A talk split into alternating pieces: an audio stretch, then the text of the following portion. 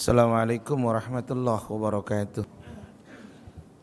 Innal hamdalillah hamdan katsiran tayyiban mubarakan fi kama yuhibbu rabbuna wa yarda. Asyhadu an la ilaha illallah wahdahu la syarika lah.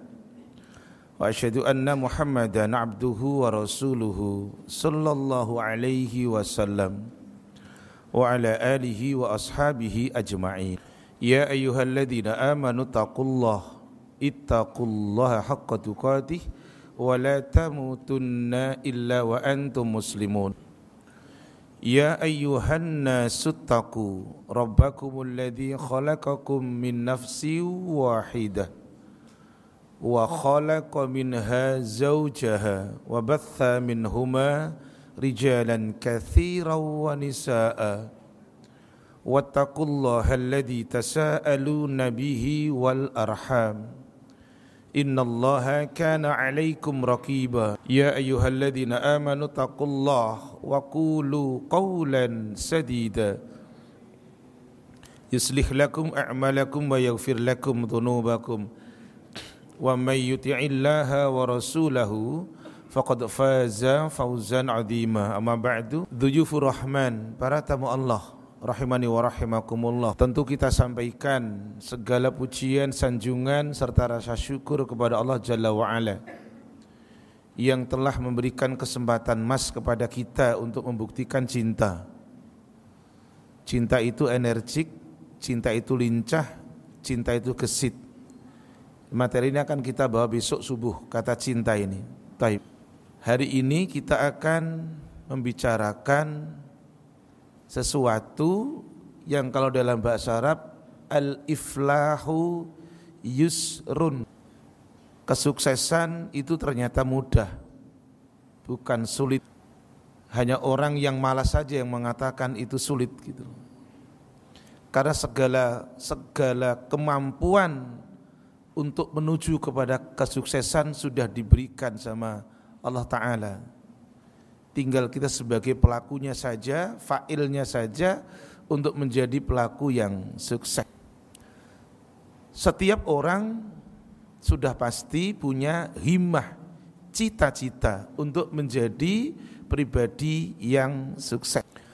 Kata sukses banyak sekali dalam bahasa Arab Padanan katanya. Bisa rabihun menang fauzun. Iflahun. Banyak sekali anak pakai yang satu ini. Al iflah yusrun gitu. Bukan usrun malahan. Harus kita ganti. Yusrun. Mudah. Nggak sulit gitu. Karena ketika kita menanyakan satu orang per orang lah kita tanya setiap orang inginkah kehidupan yang antum jalani sukses? Pati jawabannya iya gitu walaupun cara untuk sukses anwa'un kathirah gitu. Macamnya banyak, tetapi intinya dia ingin sukses gitu. Inilah yang ditanyakan oleh seorang Kutaibah bin Sa'id kepada istri beliau Rasulullah SAW yang namanya Aisyah radhiyallahu anha. Ketika beliau tanya, dengan menanyakan demikian, kaifa khuluquhu? Bagaimana sih akhlaknya beliau gitu? Yang yang menanyakan tadi Kutaibah bin Sa'id radhiyallahu. Ketika menanyakan tadi kepada Aisyah, kaifa khuluquhu? Bagaimana akhlak beliau? Ketika ditanya fasakatat, beliau diam. Kemudian beliau membaca yaitu suratnya. Ini panjang jadi cukup ana tampilkan sampai lima saja. Suratnya dua tiga hadiahnya nanti. Satu sebenarnya kepingin gini panitia mas saya tadi siapa? Mas Andri ya. Hadiahnya kalau bisa jangan Quran terus ketahuan kalau nggak punya buku-buku yang lain. Kali-kali diganti. Ya Quran ya umpamanya gitu umpamanya apa Sahih Bukhari atau apa gitulah ya enggak apa-apa atau yang lain lah. Kita ke Quran ya. Yuk dibaca surat 23 Pak Wendra, yang lain bisa menyimak ayatnya 1 Tapi ini enggak sampai ayat yang ke-11 karena Aisyah bacanya sampai ayat yang ke-11. Ini sampai ayat ayat yang kelima saja. Baik, silakan. Sungguh beruntung orang-orang yang beriman, Iya. yaitu orang yang khusyuk dalam sholatnya, dan orang yang menjauhkan diri dari perbuatan dan perkataan yang tidak berguna, Terus. dan orang yang menunaikan zakat, Terus. dan orang yang memelihara kemaluannya. Baik, ini di antara bicara kesuksesan. Kenapa anak kasih tema maudhu'nya dengan kata al-iflah, kesuksesan atau kemenangan tadi itu. Ayat ini di pangkal ayat itu ada tiga kata yang harus Bapak Ibu para tamu Allah lihat. Tiga kata, maaf, saya gunakan grammar jadinya, pola bahasanya, susunan kata. Pertama adalah Allah menggunakan huruf penguat, huruf tahkik, huruf penegas, yaitu kata kot. Ini untuk memudahkan aja, nanti nanti antum bisa tahu. Kemudian setelah kata kot, kemudian masuk kata aflaha. Ini bentuk adalah kata kerja lampau. Kot ini akan bisa berarti sungguh kalau mengikuti polanya kata kerja lampau. Apa sajalah kata kerja lampau. Kot khoba, sungguh merugi. Karena ada itu dalam surat Asyam. Ya, ini kot aflaha gitu, sungguh beruntung. Tetapi karena polanya kata kerja lampau, saya berarti akan merubah arti yang ada dalam Quran yang antum pegang. Saya tambahi dengan kata lampau, sungguh telah, loh gitu. Sungguh telah beruntung. Jadi siapa itu? Sekarang lihat pelakunya, failnya. Al-mu'minun, orang-orang yang beriman. Jadi para tamu Allah, ketika umpamanya lah ini bicara umpama, andaikan kotnya pun saya tanggalkan, Bapak Ibu sudah punya arti, telah beruntung. Iya, kotnya hanya menegaskan aja kok, sungguh telah beruntung orang-orang yang beriman. Pada ayat yang kedua itu dengan diterjemahan ada kata dalam kurung yaitu. Jadi kalau nanti Bapak Ibu menemukan dalam terjemahan Quran ada dalam kurung kata yaitu berarti menjelaskan kata sebelumnya.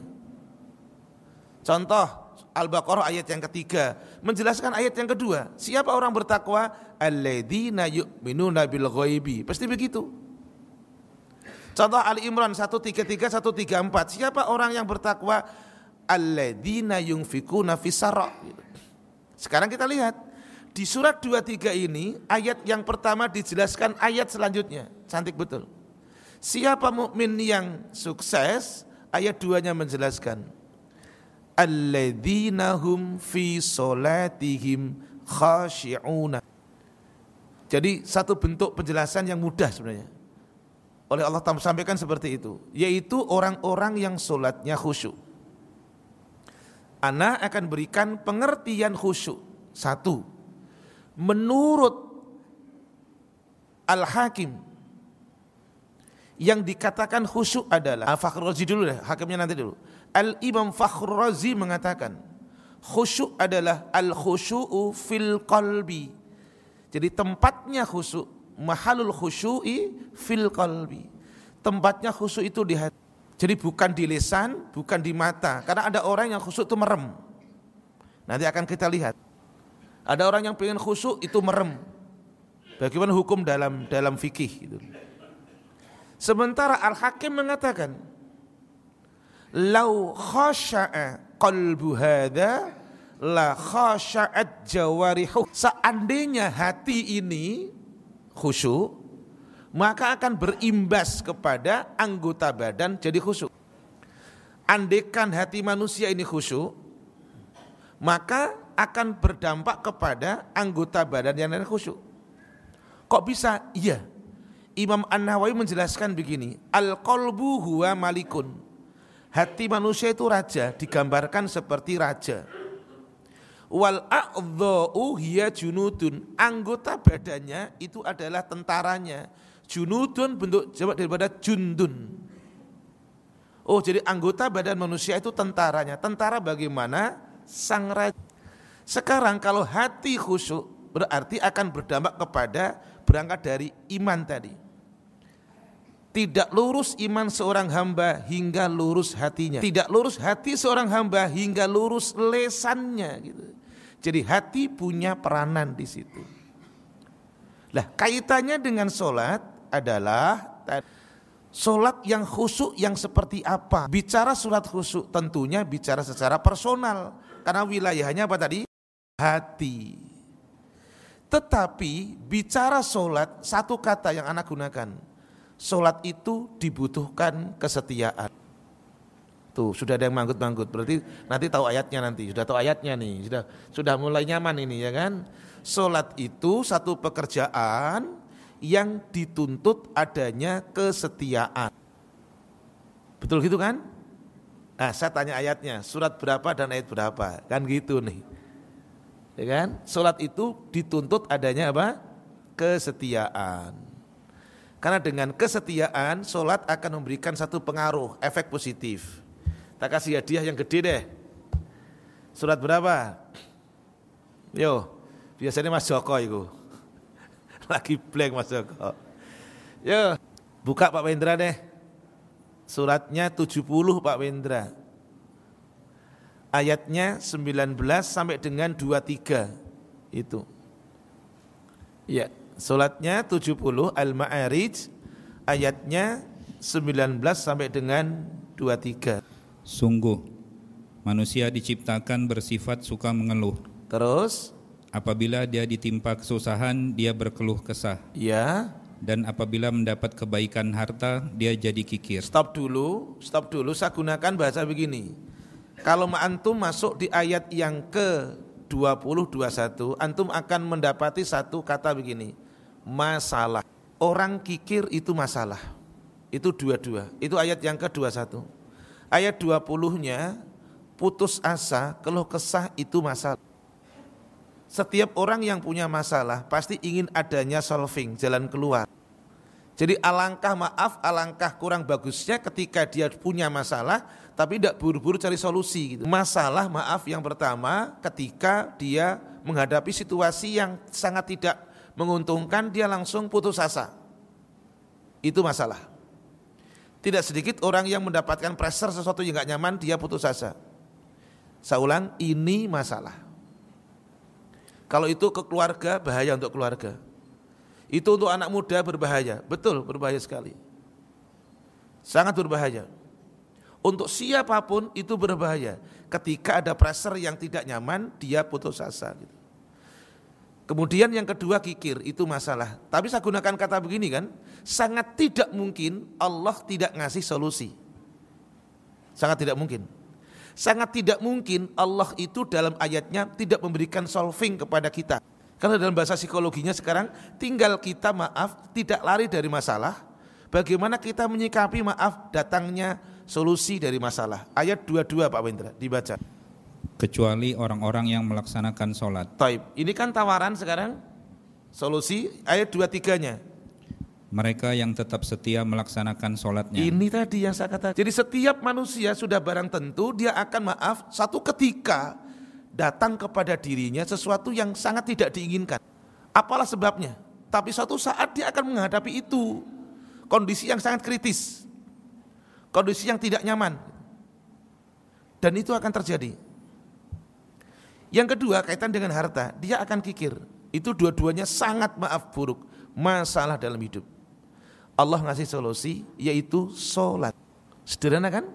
Coba. Antum tidak diminta untuk macam-macam, sederhana sekali loh biasanya. Cuman antum disuruh sholat. Kemudian Allah minta sama antum. Antum mesti setia dong dengan yang antum kerjakan. Berarti saya punya maaf kata-kata lagi. Akibat tidak setia, antum gak diberikan solusi. Akibat tidak setia, sesuatu yang kita kerjakan tidak berpengaruh apa-apa. Jadi selama ini sekarang kalau kita bayangkan sesuatu yang sering kita lakukan minimal lima kali dalam sehari, ternyata belum, bukan Anda bukan mengatakan tidak loh, ternyata belum memberikan efek positif ke kita. Sementara tadi kita ingin sukses, tapi ketika Allah tawarkan antum mesti sholat gitu loh. Karena dengan itu, maaf dengan kesetiaan antum, ana Allah akan berikan kesuksesan ke antum. Solusi itu pasti datang, nggak mungkin tidak. Kenapa demikian? Yang punya ini Allah, bukan kita. Kalau yang punya yang punya ini kita kita, kita akan kelola. Ternyata enggak. Tidak sedikit orang yang tidak bisa mengelola hatinya. Banyak orang yang gagal. Banyak orang yang masuk ke lapas. Banyak orang yang maaf yang mereka sekarang maaf di BNN. Banyak mereka yang sekarang depresi karena nggak bisa ngelola ininya. Kita cuma diminta menjadi pelaku sholat dengan setia. Ini akan terkelola dengan sendirinya oleh Allah Ta'ala. Tadi antum sholat maghrib loh? Iya. Antum tadi datang jam berapa? Antum tadi wudhunya kayak apa? Antum tadi itu ketika sholat tadi tumaninah atau tidak? Itu kaitan dengan kata setia. Allah cuma minta satu, antum mesti setia. Lah sekarang kesetiaan kita dengan yang kita kerjakan lima kali minimal itu ternyata punya tiga keterkaitannya. Yang ini maaf masih jadi PR besar buat kita manusia. Satu, antum pernah dengar kan kata-kata begini? Karena anda setelah tiga kali nggak masuk kerja, maaf, anda anak berikan SP gitu. Anak khawatir yang ngasih SP bukan manajer bukan, bukan dirut bukan, bukan komisarisnya. Yang ngasih SP Allah gitu. Sementara nanti setiap orang akan nyesel.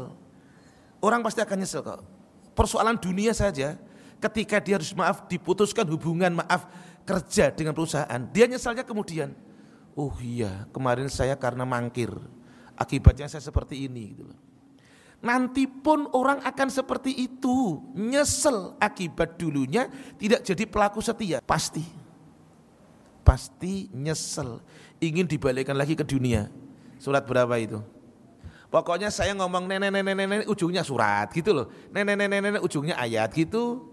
Biar cerita saya itu terbungkus oleh ayat dan surat gitu loh maksud saya. Surat berapa itu? Tolong dibantulah. Yuk Pak Wendra, suratnya 23, ayatnya 99 dan 100 Pak Wendra, silahkan.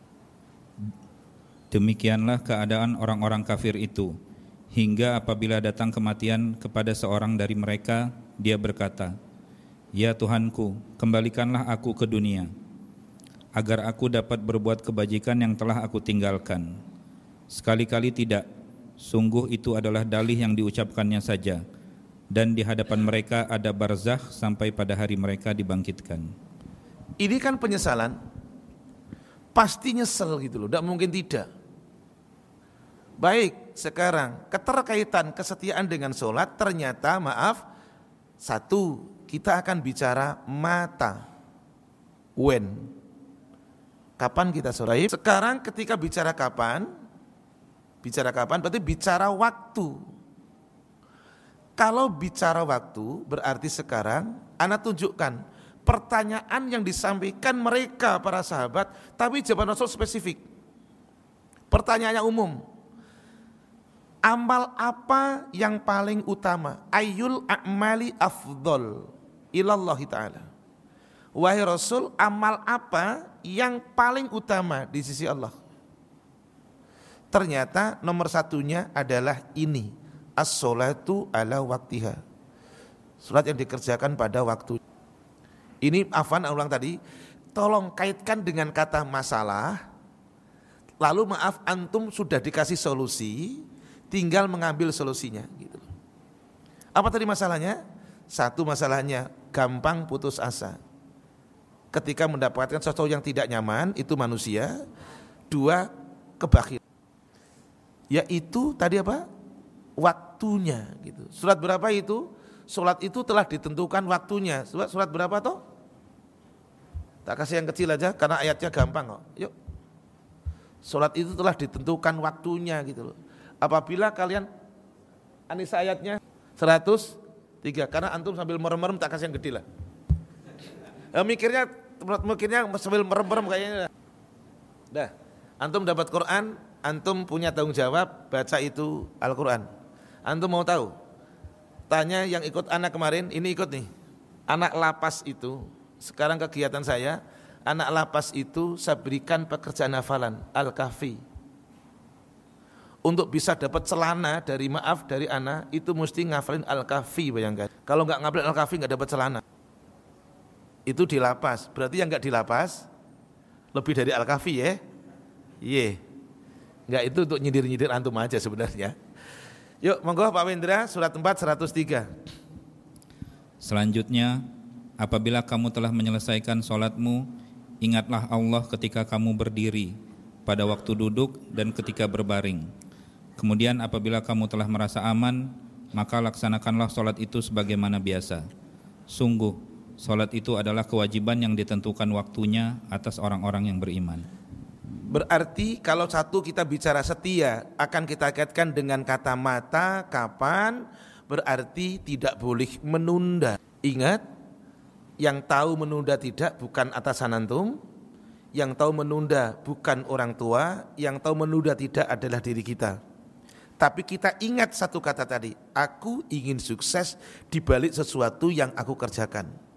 Kata aku ingin sukses adalah bukan sayanya, tetapi Allah akan memberikan kepada antum kesuksesan ketika antum tadi bicara when kapan ini yang kita kerjakan nggak akan berpengaruh apa-apa bahkan hanya kecelakaan ketika tidak ada kesetiaan ingat anak gunakan sesuatu yang kita kerjakan tidak berdampak maaf positif suksesnya tidak akan muncul bahkan kecelakaan ketika kita tidak menjadi pelaku setia mengerikan tak sekarang iya surat berapa itu kan selalu saya tanya pokoknya setiap sama merangkai kata nenek-neneknya ayat gitu loh yuk 107 Pak Wendra ayatnya 4 dan 5. Silakan. Surat 107 ayat 4 dan 5. Maka celakalah orang or, maka celakalah orang yang sholat. Nah, yaitu orang-orang yang lalai terhadap sholatnya. Taib. Kalau antum melihat bacaan tadi, mendengarkan, apakah dia tidak sholat? Enggak, dia sholat. Kapan dia Ibnu Abbas menjelaskan ayat tadi barusan. Anak ulang, Ibnu Abbas anak paman Rasul menjelaskan ayat barusan. Orang yang dikatakan lalai ternyata hum takhirus solati. Mereka yang mengakhirkan. Anda boleh tahu sekarang. Penghalang orang untuk setia itu ada berapa kira-kira? Penghalang orang menjadi tidak setia. Katakan Muhammad jika bapak-bapakmu, anakmu macam-macam itu loh. Surat berapa itu? Eh? Diulang satu-satu. Atau bah? Dua empat. Nih tak kasih jenengan. Enggak apa-apa itu. Pak pengurus itu. Betul, betul Anda. Itu Pak pengurus. Oh bukan. Ya, ya. Mas Joko nanti ya. Beliaunya. Karena hari ini beliau pakai pakaiannya nggak pakai gamis. Biasanya pakai gamis. Jadi anak pangkling. Yuk monggo Pak Wendra baca 924. Katakanlah, jika bapak-bapakmu, anak-anakmu, saudara-saudaramu, istri-istrimu, keluargamu, harta kekayaan yang kamu usahakan, perdagangan yang kamu khawatirkan kerugiannya, dan rumah-rumah tinggal yang kamu sukai lebih kamu cintai daripada Allah dan Rasulnya serta berjihad di jalannya maka tunggulah sampai Allah memberikan keputusannya dan Allah tidak memberi petunjuk kepada orang-orang fasik. Taib ini adalah penghalang pada dasarnya itu nikmat Allah gitu. Cuman ketika tidak cerdas menyikapi jadi penghalang. Kalau antum tadi baca ayat yang ke-24 itu ada delapan hal. Antum ketika berurusan dengan orang tua bisa menjadi lalai untuk sholat. Antum saking berurusannya dengan anak-anak, antum bisa terkendala untuk sholat. Ada delapan pokoknya lah, udah nanti baca lagi. Udah, yang kedua, satu when, kapan sholat. Yang kedua, mata where di mana antum sholat. Karena yang anak hadapi rata-rata kaum ikhwan bukan akhwat. Kalau untuk akhwat jelas masjidnya akhwat adalah di rumahnya. Walaupun tidak terlarang untuk datang ke masjid, tapi untuk ikhwan ternyata adalah di mana ternyata semua hadis tidak ada yang mengarah di rumah. Anak ulang.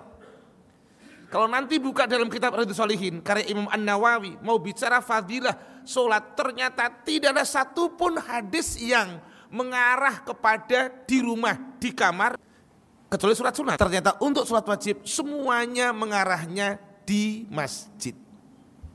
Satu contoh. Man tatohara fi baiti. Siapa yang bersuci di rumahnya.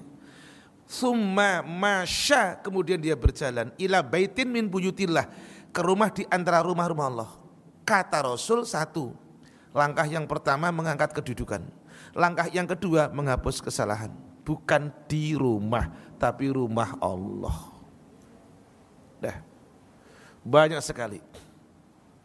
Jadi sekarang pertanyaan yang kedua yang akan memberikan dampak positif akibat sesuatu yang kita kerjakan. Tidak hanya bicara kapan, ternyata yang kedua saya mesti bicara di mana. Jadi akan melakukan ibadah sholat itu pertanyaannya tiga. Karena saya ingin sukses, satu, aku sudah bicara kapan, aku ingin awal waktu. Tapi yang kedua, saya mesti juga pengait sukses keter, keterkaitannya. Apa yang kedua? Di mana? Mesti aku sukses. Jadi sekarang masjid akan ramai, Nurullah, Nur mana, Nur mana pokoknya masjid mana pun akan ramai ketika orang punya sekarang orientasi seperti ini. Saya tidak hanya bicara kapan, saya juga akan bicara tentang di mana. Baik. Tapi yang ketiga ini fatal. Bicara how to do.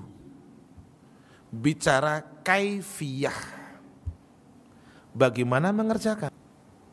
Jadi tidak hanya bicara apa tadi? Tidak hanya bicara kapan, tidak hanya bicara di mana, sekarang juga harus kita tanyakan bagaimana antum sholat. Pasti kita akan bicara keteladanan, pasti kita akan bicara itiba, pasti kita akan bicara ikut. Ah, ini ayatnya sudah familiar. Jika kamu cinta Allah, ikuti aku. Surat berapa? Halo, jika kamu cinta Allah, tunjuk tangan. Ayat 31-nya. Pak Wendra telat. Ya, Mas. Antum, makasih. Kenapa celananya celananya dilingkis-lingkis begitu? Eh, wong antum tuh cakep celananya gak usah dilingkis-lingkis, gak bener wis yakin. Cakep pokoknya. Ya Pak Wendra dibaca. Katakanlah Muhammad, jika kamu mencintai Allah, ikutilah aku. Niscaya Allah mencintaimu dan mengampuni dosa-dosamu. Allah Maha Pengampun, Maha Penyayang. Sekarang anak tunjukkan ada kitabnya namanya Akhtaul Musallin. Oke. Berarti judulnya kesalahan-kesalahan orang yang sholat. Kitab itu lumayan tebal. Jadi kalau umpamanya, umpamanya di, diterjemahkan mungkin sekitar lima jilid kali. Akhtaul musallin, kesalahan orang-orang yang sholat. Insya Allah. Satu, anda baca aja di antaranya. Menunda-nunda sholat. Itu kesalahan awal. Yang kedua, tidak berjamaah di masjid bagi laki-laki itu kesalahan. Kan ini ini kan kan kita tadi bicara ingin sukses. Apa tadi judulnya? Apa tadi judul tadi? Sukses itu ah berarti ini mudah. Benar, mudah lah. Walaupun kata walaupun maaf perjalanan paling berat menuju ke mana? Sama kok jujur banget ya. Iya iya iya, sama jujur banget ya. Perjalanan yang cukup berat ke mana tadi melangkahkan kaki? Iya. Bener kok, jenengan itu buat tanya sama anak-anak muda lah. Karena maaf, kalau kita bicara komparasi perbandingan rasanya gini. Orang itu untuk ke masjid mesti rata-rata gini. Ntar belum adzan. Pasti gitu, pasti. Bener deh rata-rata. Saya nggak tahu kalau antum, kalau antum sih enggak. Udah nggak usah ditambahin, nggak beda bukan gitu. Jangan jangan nambah gitulah. Sebagian besar orang itu ketika untuk datang ke masjid pasti di antaranya mengatakan gini. Ntar belum adzan. Tapi ketika anak ingin tunjukkan satu cerita, antum akan sedih dengan kata-kata itu sebenarnya. Siapa dia? Mantan budak yang terompahnya didengar Rasul. Lebih mulia antum lah daripada dia. Secara strata loh. Dia mantan budak. Budak itu dijual gampang kok, dibarter. Tak tukar karo wedus sebenarnya kan mudah saja tuh. Tak tukar dengan sapi sebenarnya kan kan gampang begitu. Dia Bilal bin Robah yang pernah diejek sama Abu Dhar Al-Ghifari, orang asli Madinah. Yang kalau manggil Bilal mengatakan, "Ya Ibnu Sauda, wahai anak laki-laki yang hitam legam." Aku baca hadisnya tersinggung. Ya kan? Ya kan aku rada hitam, Mbak. Udah sesama kulit hitam jangan saling mendahului. Bayangkan itu Bilal kata Rasul begini. Sami'tu khosh-khoshatka fi amami al-barikhah. Bilal semalam aku itu melihat terompahmu itu di depan saya di surga. Fama amilta, yang kamu lakukan tuh apa toh? Kok hebat sekali. Itu kan beliau. Ternyata beliau sampaikan, salah satunya adalah dua. Belumlah aku azan wahai Rasul, karena dia mau azan kan? Belumlah aku azan Rasul, tapi telah ku kerjakan sholat dua rakaat. Ya silahkan terjemahkan sholat apa itu, anak gak tahu dah. Belumlah aku azan, berarti belum masuk dong. Tapi telah ku kerjakan dua rakaat. Sementara kebanyakan dari masyarakat kita selalu dengan mengatakan sebentar belum adzan gitu loh. Rasa-rasanya kok timpang dengan mantan Buddha ini gitu. Baik, anak ulang. Tidak sholat berjamaah di masjid bagi laki-laki. Ini masalah itu. Yang ketiga, tidak tomak ninah dalam sholat. Dan itu Rasul katakan aswa unnas. Seburuk-buruk manusia adalah sarikoh, pencuri. Pencuri dalam sholat. Rasul ditanya, bagaimana mereka mencuri dalam sholat ya Rasul? Adalah mereka tidak tomak ninah. Mereka tidak khusyuk akan tidak tomak ninah akan ruku dan sujudnya.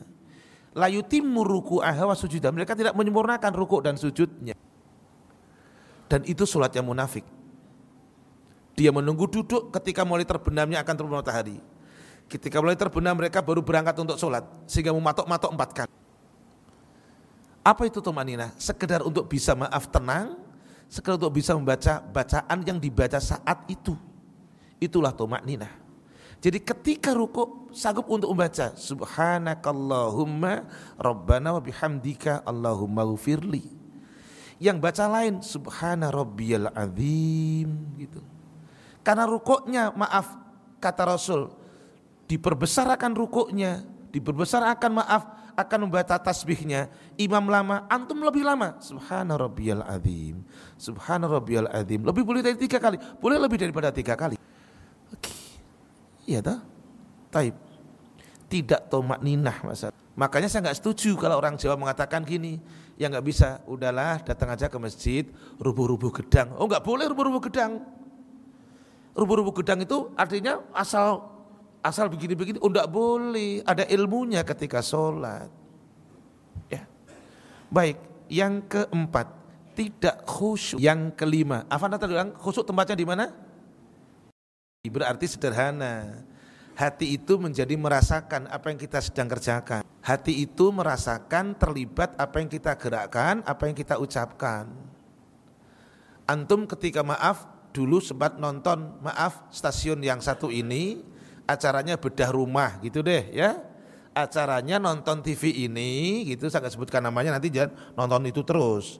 Nonton yang lain lah Insan TV Roja TV Wisal TV gitu. Jadi biar apa namanya gitu. Dulu ketika ada orang nonton acara ini bedah rumah orang bisa menangis. Orang bisa menangis. Kenapa? Ininya dipakai. Benar. Imam tadi mau nangis. Ketika apa? Ininya dipakai. Iya Orang tidak akan maaf bisa menangis kalau ininya tidak dipakai. Jadi sekarang apa yang kita sampaikan, gerakan kita ininya diajak dilibatkan. Antum akan bisa menangis. Saya sudah menangis kenapa? Ininya dipakai. Ingat hadisnya. Ud'ullaha wa antum muqinuna bil ijabah. Berdoalah kalian kepada Allah dan kalian yakin doa antum akan dikabulkan. Wa innallaha ta'ala Allah Ta'ala layak balu du'aan min qalbin ghafirin lahin. Allah nggak akan terima doa dari orang yang hatinya lalai dan lupa. Jadi sekarang nanti pulang ke rumah, pulang ke apartemen, hati dilibatkan. Mencium istri itu pakai hati juga, bukan sekedar bibir. Calon pengantin juga sama. Nanti nanti bukan sekarang, ya. Lu ya dong, Antum ketika maaf, antum ketika dapat salam dari istri, dari orang yang antum cintai, kalau nggak pakai hati berbahaya loh. Assalamualaikum mas, salam. Berbahaya loh, betul. Antum maaf dapat komunikasi dari pasangan, dia sudah pakai hati. Masya Allah, Assalamualaikum mas, Waalaikumsalam. Itu tidak pakai hati, tapi antum pakai hati. Waalaikumsalam warahmatullahi wabarakatuh, Masya Allah. Hati jadi tidak sedikit komunikasi jadi maaf jadi kandas kenapa? Hati nggak dilibatkan. Taib, yo, yang kelima. Sengaja mendahului gerakan imam atau tidak mengikuti gerakan imam. Ini juga sesuatu yang keliru ketika sholat berjamaah. Mendahului imam atau tidak mengikuti gerakan imam. Pada hadisnya jelas innama ju'ilal imamu liyutamma. Imam dijadikan untuk diikuti. Fa idza kabara fakabbiru. Kalau dia takbir antum langsung takbir. Wa idza raka'a farka ketika dia itu rukuk antum rukuk. Fa idza sajada fasjud. Kalau dia sujud antum langsung sujud. Wa idza shalla jalisan fasallu julusan ajma'ina. Ketika dia salatnya duduk antum duduk semuanya walaupun antum sehat. Ini Islam loh. Ketika dia sholatnya duduk sang imam, antum duduk walaupun antum bisa. Jadi kepatuhan dengan sang imam itu kuat. Anak tunjukkan yang terjadi biasanya. Antum masbuk sampai datang di sini maaf iktidal. Itu biasanya orang maaf nunggu. Ntar aja lah kalau udah rokaat kedua. Gitu. Ini yang suka anda lihat. Jadi banyak orang yang nonton orang sholat. Karena masbuk nyampe nyampe di tempat itu adalah imam sudah i'tidal, itu dia nggak ngikuti imam. Jadi dia berpikir, ah sayang nggak dihitung apa-apa, gitu. Akhirnya apa? Dia nunggu sampai imam nanti bangkit ke rakaat kedua. Alasannya nggak dihitung satu rakaat, ntar aja lah. Padahal hadisnya tidak begitu. Imam rukuk, antum rukuk. Itu sujud, antum sujud. Berarti ketika imam itu duduknya sudah iftiros, antum duduknya iftiros. Kalau antum, kalau imam duduknya tawaruk, walaupun antum maaf masbuk baru dua rakaat, antum duduknya tawaruk. Karena apa? Batasan akhir sholat itu bukan tawaruk. Batasan akhir sholat adalah salam. Berarti kalau imamnya tawaruk, antum tawaruk, ikut sang imam jangan menyelisihi lah. Baik, jangan mendahului atau jangan tadi menyelisih akan gerakan jadi sang imam. 6. Melafalkan niat. Anak gunakan kitab dua deh. Satu, Riyadus Solihin. Dua, Al-Wajiz. Dah. Al-Wajiz itu ketika buka dalam bab toharoh berwudu ada satu kalimat yang berbunyi begini la yusra'u at-talaffudu biha. Tidak disyariatkan melafalkan niat. Itu di Al-Wajiz loh. Di dalam kitab Ridhus Solihin karya Imam An-Nawawi yang disyarah oleh Imam An-Nawawi dikatakan siapa yang mengucapkan niat man natoko bin niyatin Siapa yang mengucapkan niat indah irotati sholat ketika hendak sholat, ketika hendak berwudu, ketika hendak ketika hendak apa namanya berpuasa, berarti dia telah melakukan perkara baru dalam agama dan ini tidak ada di dalam sunnah Rasulullah SAW. Tuh.